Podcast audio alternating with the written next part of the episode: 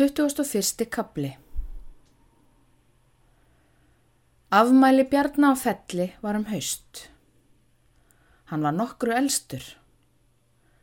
Þá Sveinn og Guðrún var sex árum yngri en hann.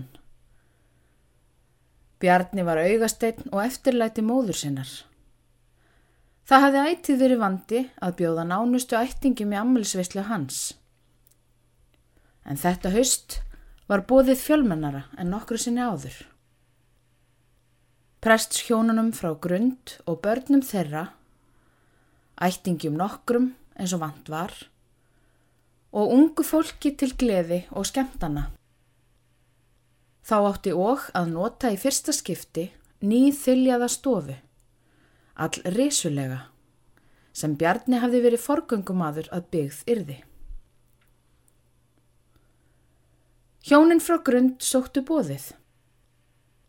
Svembjörn og Marja voru fús fararinnar, en þurriði var ekki ljúft að fara. Þó hún fyldist með skildmennum sínum, hugsaðum Bjarna og öruga vörn. Um germund sem satt heima og móður sína. Hvað Svembjörn var ólíkur föðu sínum og breytilegur. Að sækja svona fast eftir að gefa Bjarnar gott tækifæri. Vilja fara með sig til hans og þeirra í felli.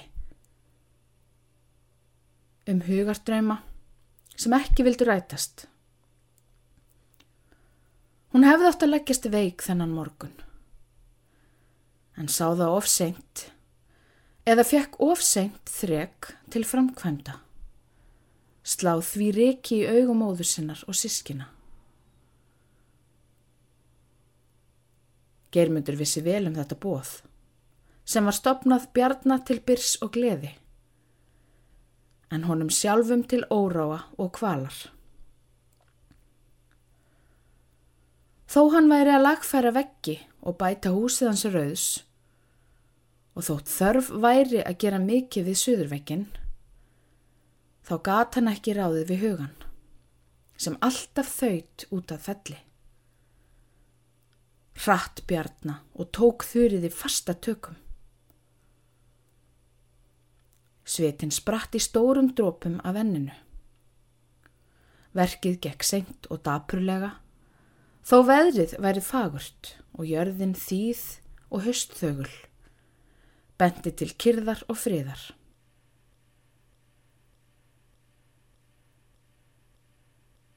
Hafði þurriður farið? Hafði hún verið glöð og fús til þeirrar farar. Eða var hún lasin og satt heima. Auðvitað höfðu þau farið öll frá grund og ekkert var eðlilegra en það að hún færi með glöðu geði. Nú var þá Bjarni loksins búin að nota sér góða afstöðu og hvaðan stóð vel að víi. Sjálfur hlaut hann að standa aðgerðalus og láta hendurnar í vasana. Bjarni gatt starfað og Bjarni hafði þreg til að rétta hendurnar eftir hnossinu sem báðir þráðu. En hann þorði aldrei að rétta fingur eftir. Þessi voru gjöld yfir sjóna hans og afbrota. Makleg gjöld en svo afar þung og þreytandi. Hugurinn og ástriðurnar gerði honum heimaveruna og vekkleðsluna óbærilega. Í dag erði hann illa við moldarstörf og heimameldu. Skömmu síðar reið germutur út eftir grundunum. Hann ætlaði út að bröttuhlýð sem var isti bær í Breiðordal, austanverðum. Þangað átti hann erindi og gerði ekki ráð fyrir heimkomu sinni um kvöldið. Bóðsfólkið í felli hafði gengið út til þess að draga að sér hressandi útiloft. Því hafði orðið hlýtt við snæðingsteikarinnar og kaffidrykkjuna. Þurriður og Marja stóðu saman. Þurriður hjælt fast að sýstu sinni þennan dag. horfðu austur fyrir ána, yfir í fellið sem stóð dimblátt upp í urðum og hömrum. Bleikt neðar. Skókjarrið stóðu laufföld og þögult í kyrfiðrinu og neðst móleit mýrsund og gráir harðvellisbakkar með ánni. Hér er vist fallegt þegar allt er í blóma, sagði Marja. Ó já, það er líklega fremur það. Þurriður þekkti ofurvel þennan hest sem þauðt eins og elding norður bakkan. Kom á harðastökki sunnan fyrir ennið og hjælt sprettin langt út fyrir bæ. Hún þekkti líka fullglögt mannþann er á hestinum satt og gráa hundin sem tegði úr sér rétt aftan við hestin. Hún fann blóðið streyma á flugaferð eins og þeir voru á. Þetta er engin annar en germundur á rauðsínum, sagði Sveinbjörn. Hann er að búa hann undir veturinn. Skárr er það bölfuð reyðin. Bjarni leið til þurriðar en hún horfi norðaustur á bakkan og þagði. Geirmundur sérum að rauður þurfi ekki að standa á gattinum í vetur. Það er klár sem hefur fallegt fóður. En það er dýrt að eiga hest, bara til að stássa og stæra sig af. Þurriði virtist Sveinbjörn óþólandi sett til svars fyrir vinsinn. Það er ekki stæriletinni mont. Hún er þykir fjarska vænt um hestin sem vonlegt er. En hann brúkar hann ekki svo lítið, saði Sveinbjörn. Bjarnar leist ekki ráðlegt að ræða meirum germund að sinni. Hann tók eftir litbreyðum þurriðar. Þegar hálf rokkið var, vildu presthjónin halda heim og ekki dögði að letja þau. En þurriður vildi með engu móti að þau væru einn á ferð. Sagði það væri réttast, þau heldu öll hópin. Bjarni bauð mann til að fylgja hjónunum, en vonaðist eftir að sískinin erðu eftir til að dansa og gleyðja sig. Sveimbjörn tók því gladlega, en sísturnar fýsti heldur heimferðar. Þá lagði móðir þeirra orð til styrkingar máli bjarna. Fannst eðlilegt að unga fólkið létti sér upp í sakleysi. Svona endur og sinnum. Í nótt er þið blítt veður. Þau getur glatt sig lengi og haldið heim hvena sem þeim síndist. Það rækju engar annir eftir mönnum núna og mætti vel taka sér svo litla frelsistund. Þurriði var hvert við.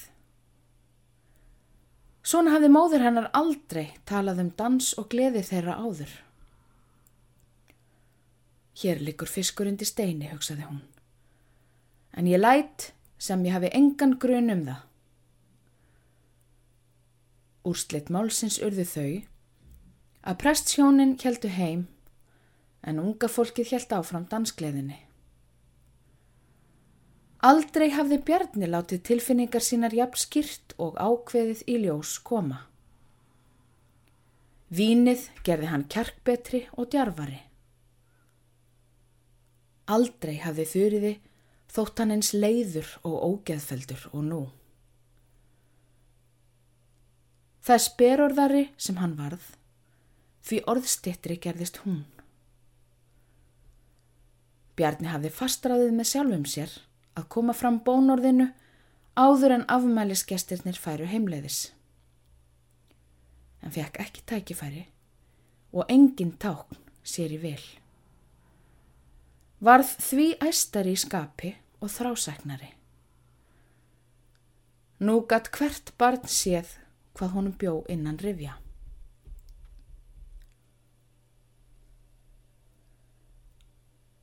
Rétt eftir háttatíma var þurriður þess vísari að Sveinbjörn var orðin vínhreifur. Sá ég abskjótt að Bjarni myndi hafa veitt honum það. var gramt í geði til begja. Náði í Sveinbjörn og sagði honum ótfýrætt til bindinisbrottsins. Skoraði á hann að fara strax heim. Sveinbjörn þrætti fyrst, en það dugði ekki. Svo áttaðan sig og fann að hotlast myndi að hætta þessum leik meðan allt fór slett og vel. Bjarni varð fár við þegar Sveinbjörn tók að búast til heimfarar. En honum tókst ekki að telja þeim sískinum hugkvarf því Marja var líka búin að sjá Ölvan Sveinbjarnar og sótti fast það mál að fara heim. Bjarni söðlaði hest sinn og fylgdi þeim á leið. Engin mótmælti því og nú gatt hann talað einmæli við þurriði eins og hann hafði lengi ásett sér.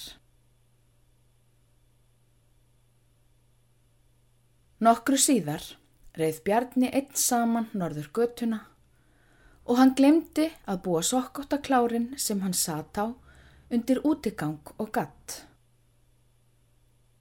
Bjarni hlaut að láta gremjuna bytna á einhverju og því kerði hann hestin og lenaði aldrei á sprettinum.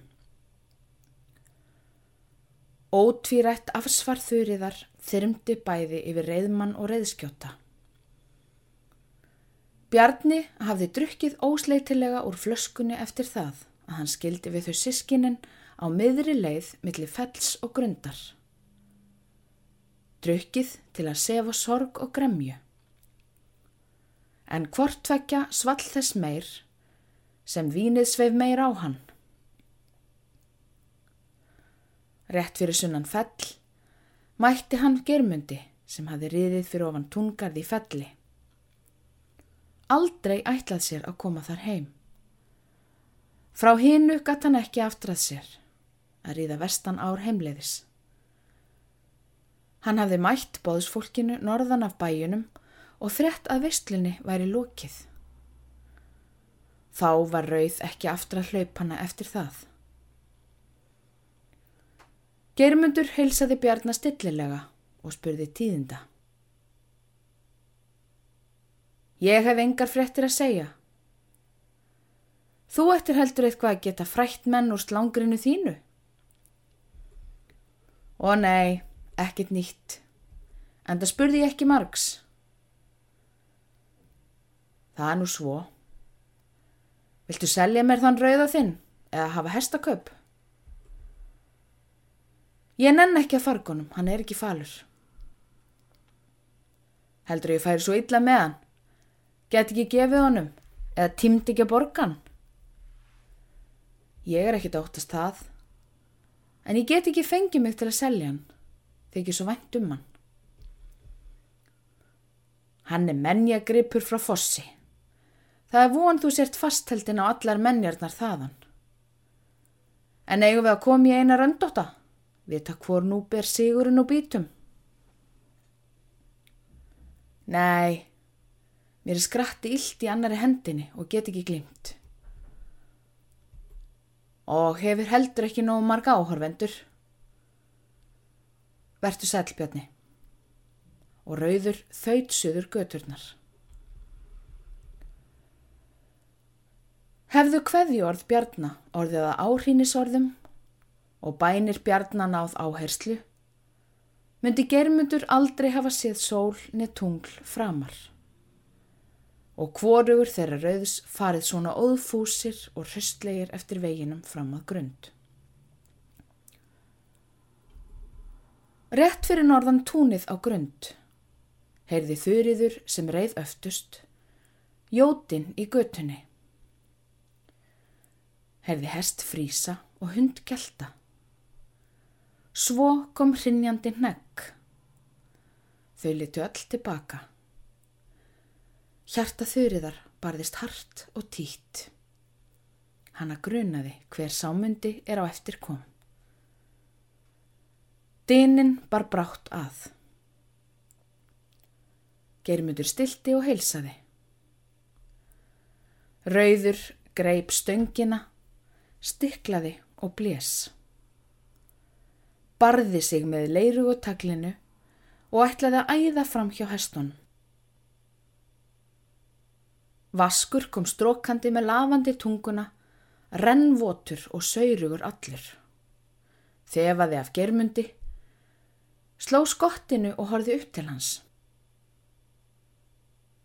Nóttin var myrk og kyrt veður.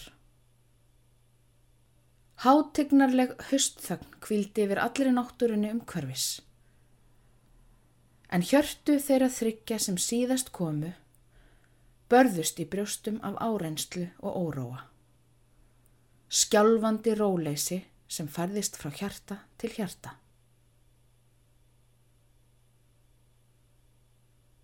Hvaðan kemur þau, Germundur? Og hvert skal halda í kvöld? Saði Sveinbjörn og snýri sér til í naknum. Utan úr bröttulíð. Ég var að kaupa þar hrút. Nú ætli ég heim í nótt þó ég líklega nái ekki háttunum. Nei, þeim nærðu nú ekki. Þú ferð ekkit lengra í kvöld. Getur hreyðrað þig í stofurúmunu hjá mér í nótt. En ég hef ásett mér að ditta betur að húsinans rauðs á morgun. Nú fyrir að frjósa jörð svo það getur verið óþart að slæpast. Germundur þarf að hraða sér heim til bús og barna, sagði Marja. Þér verður tíðrætt um börn og bú nú í setni tíð. Það er fyrirbóði komandi tíma. Hvað sagði Bjarni um það? Bjarni sagði margt fallegt í dag. Hann er skemmtilegur maður. Þó fátt sé ykkar á milli síðan í vor.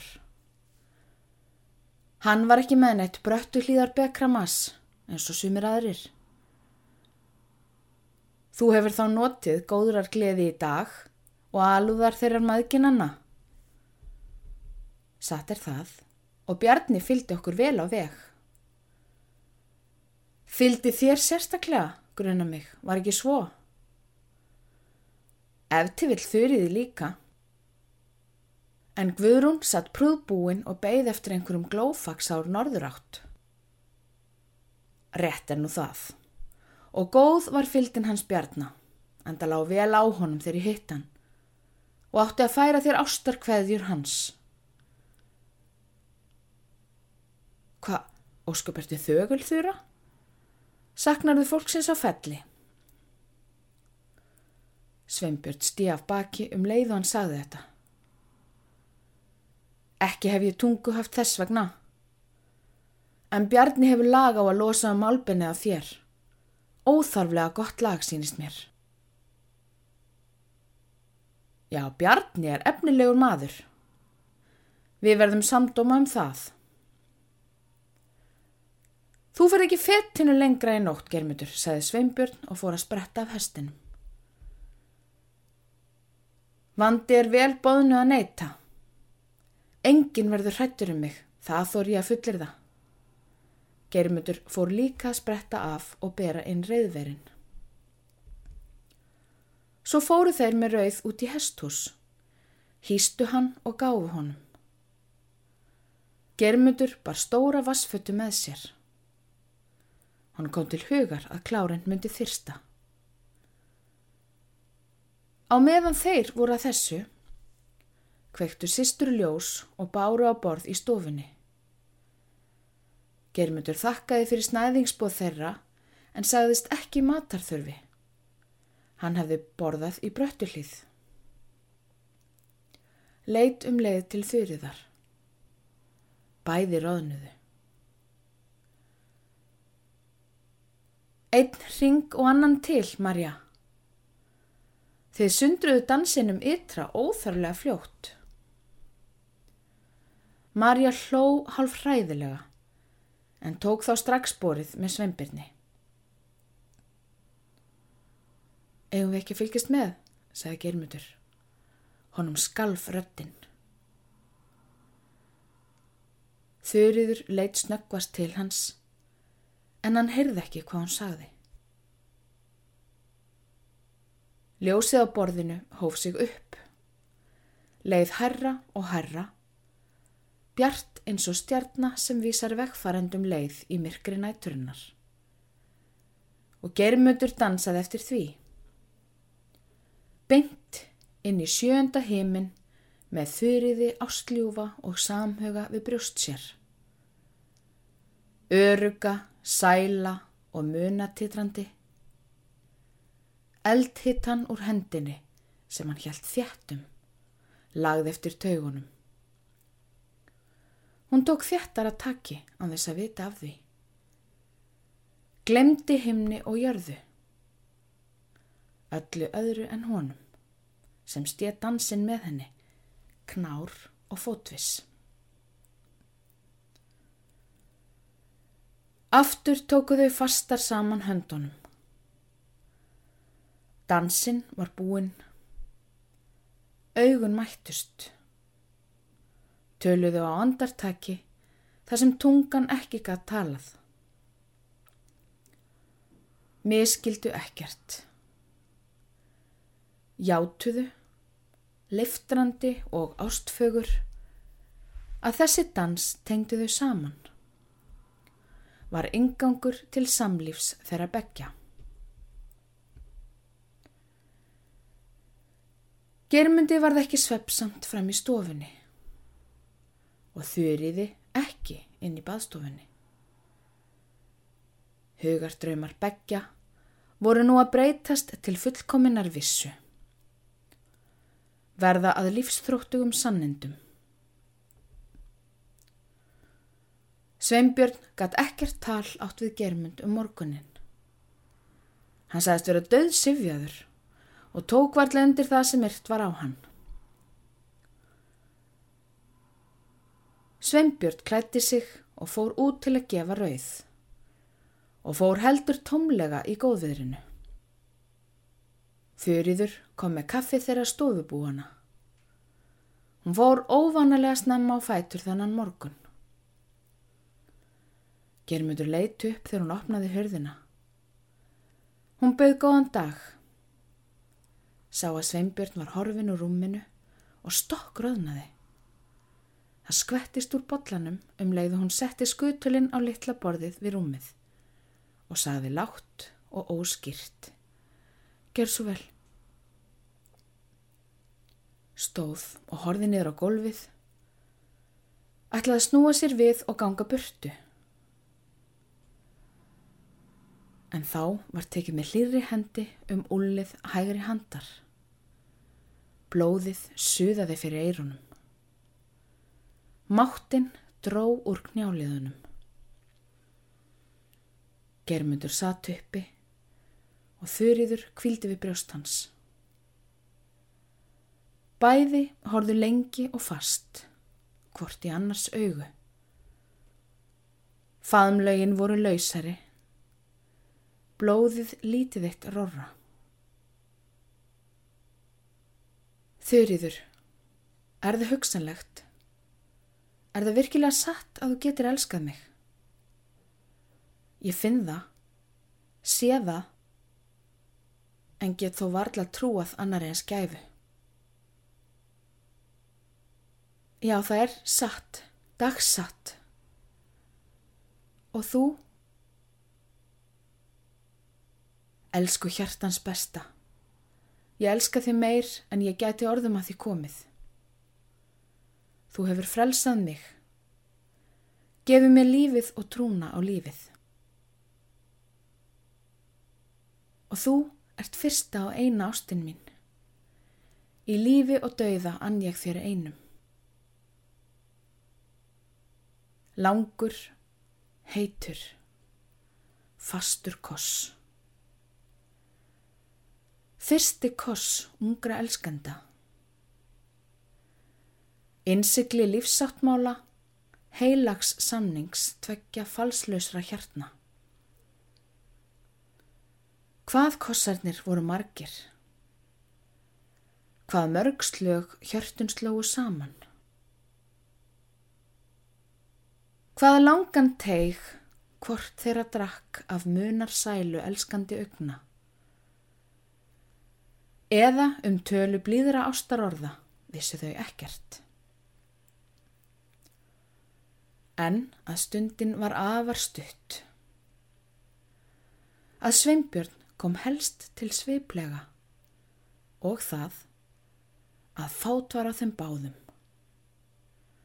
Var eins satt og vist og hitt að kaffið var kallt og að Sveinbjörn leitt rannsóknar augum til þeirra begja. Að hann las tilfinningar þeirra eins og skýrt letur á bók. Það varð stundar þögn. Þurriður tók skutulinn og gekk burtu. Drukkin af ást og unaði. Rjóð, feimin og nokkuð undirleitt. Sveinbjörn, ert ekki vinnu minn? Þú þarft ekki að spurja, þú veist að ég er það. Og verður trúnaðarmadur og holl vinnur okkar sýsturðinnar. Samþykir trúlofun okkar. Já, mína litlu aðstóð eigiði vísa. Ef engir er þau erfiðari eða andstaðar en ég og þó átt ég ekki vona þessu.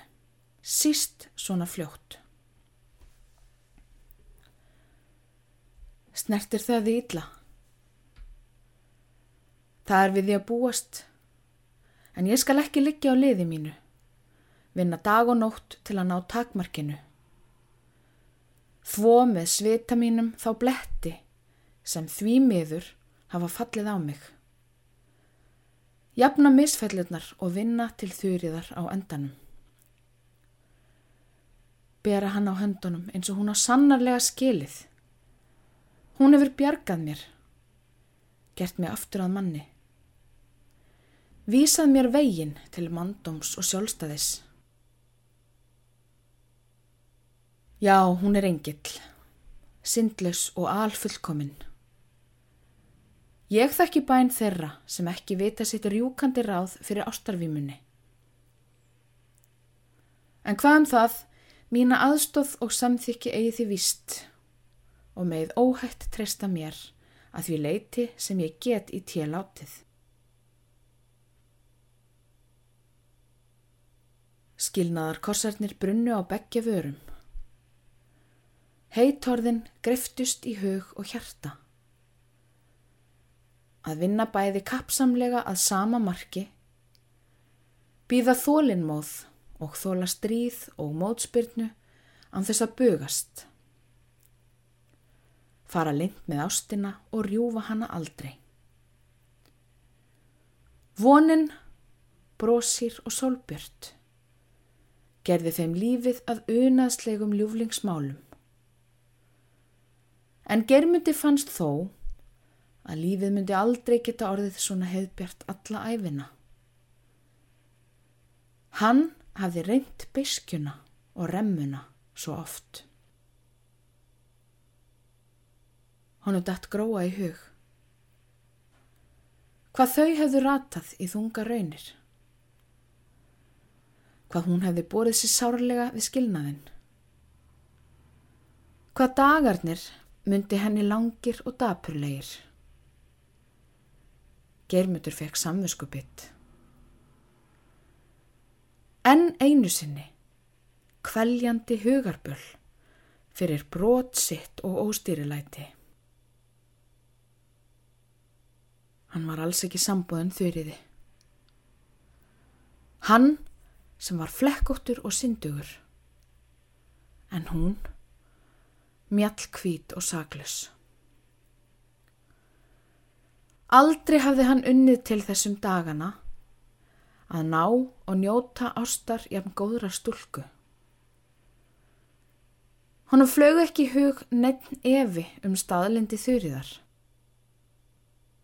En þessi sæla var svo ótrúleg og draumkynjuð að hann gat naumast trúaðinni.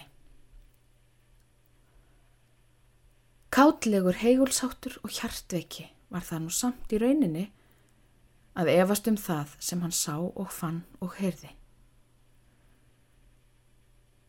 Skíinu sveipaði frá vonarsól hans og germundur rifjaði aftur í huganum sælustundir fyrstu faðamlaga þurriðar. Fyrstu ástarorð hennar. Heit og staðföst, einlæg og sönn. Nú kvaldi engin samvisku kvöl hann, eins og áður var. Hitt var syndarinnar ginnandi, en forbóðni ávöxtur. Þetta heimintær lind lífstróskans. Geirmyndur hétt því í huga sínum að vinna stöðugt og kapsamlega fyrir þroska, efnum og góðu áliti bestu manna. Vinna svo að hann væri verður þurriðar, svo henni yfir lífi létt við hlið sér. Yrði ánægð og óbeigð af fátækt og féleysi. Hann fann sér vaksa megin við heitið. Með sakleysið við hægri hönd hlaut hann að verða nýtur og dögandi maður. Fyrir hennar umsjá og tilstilli gata nú hort björtum sjónum fram á lífsvegin.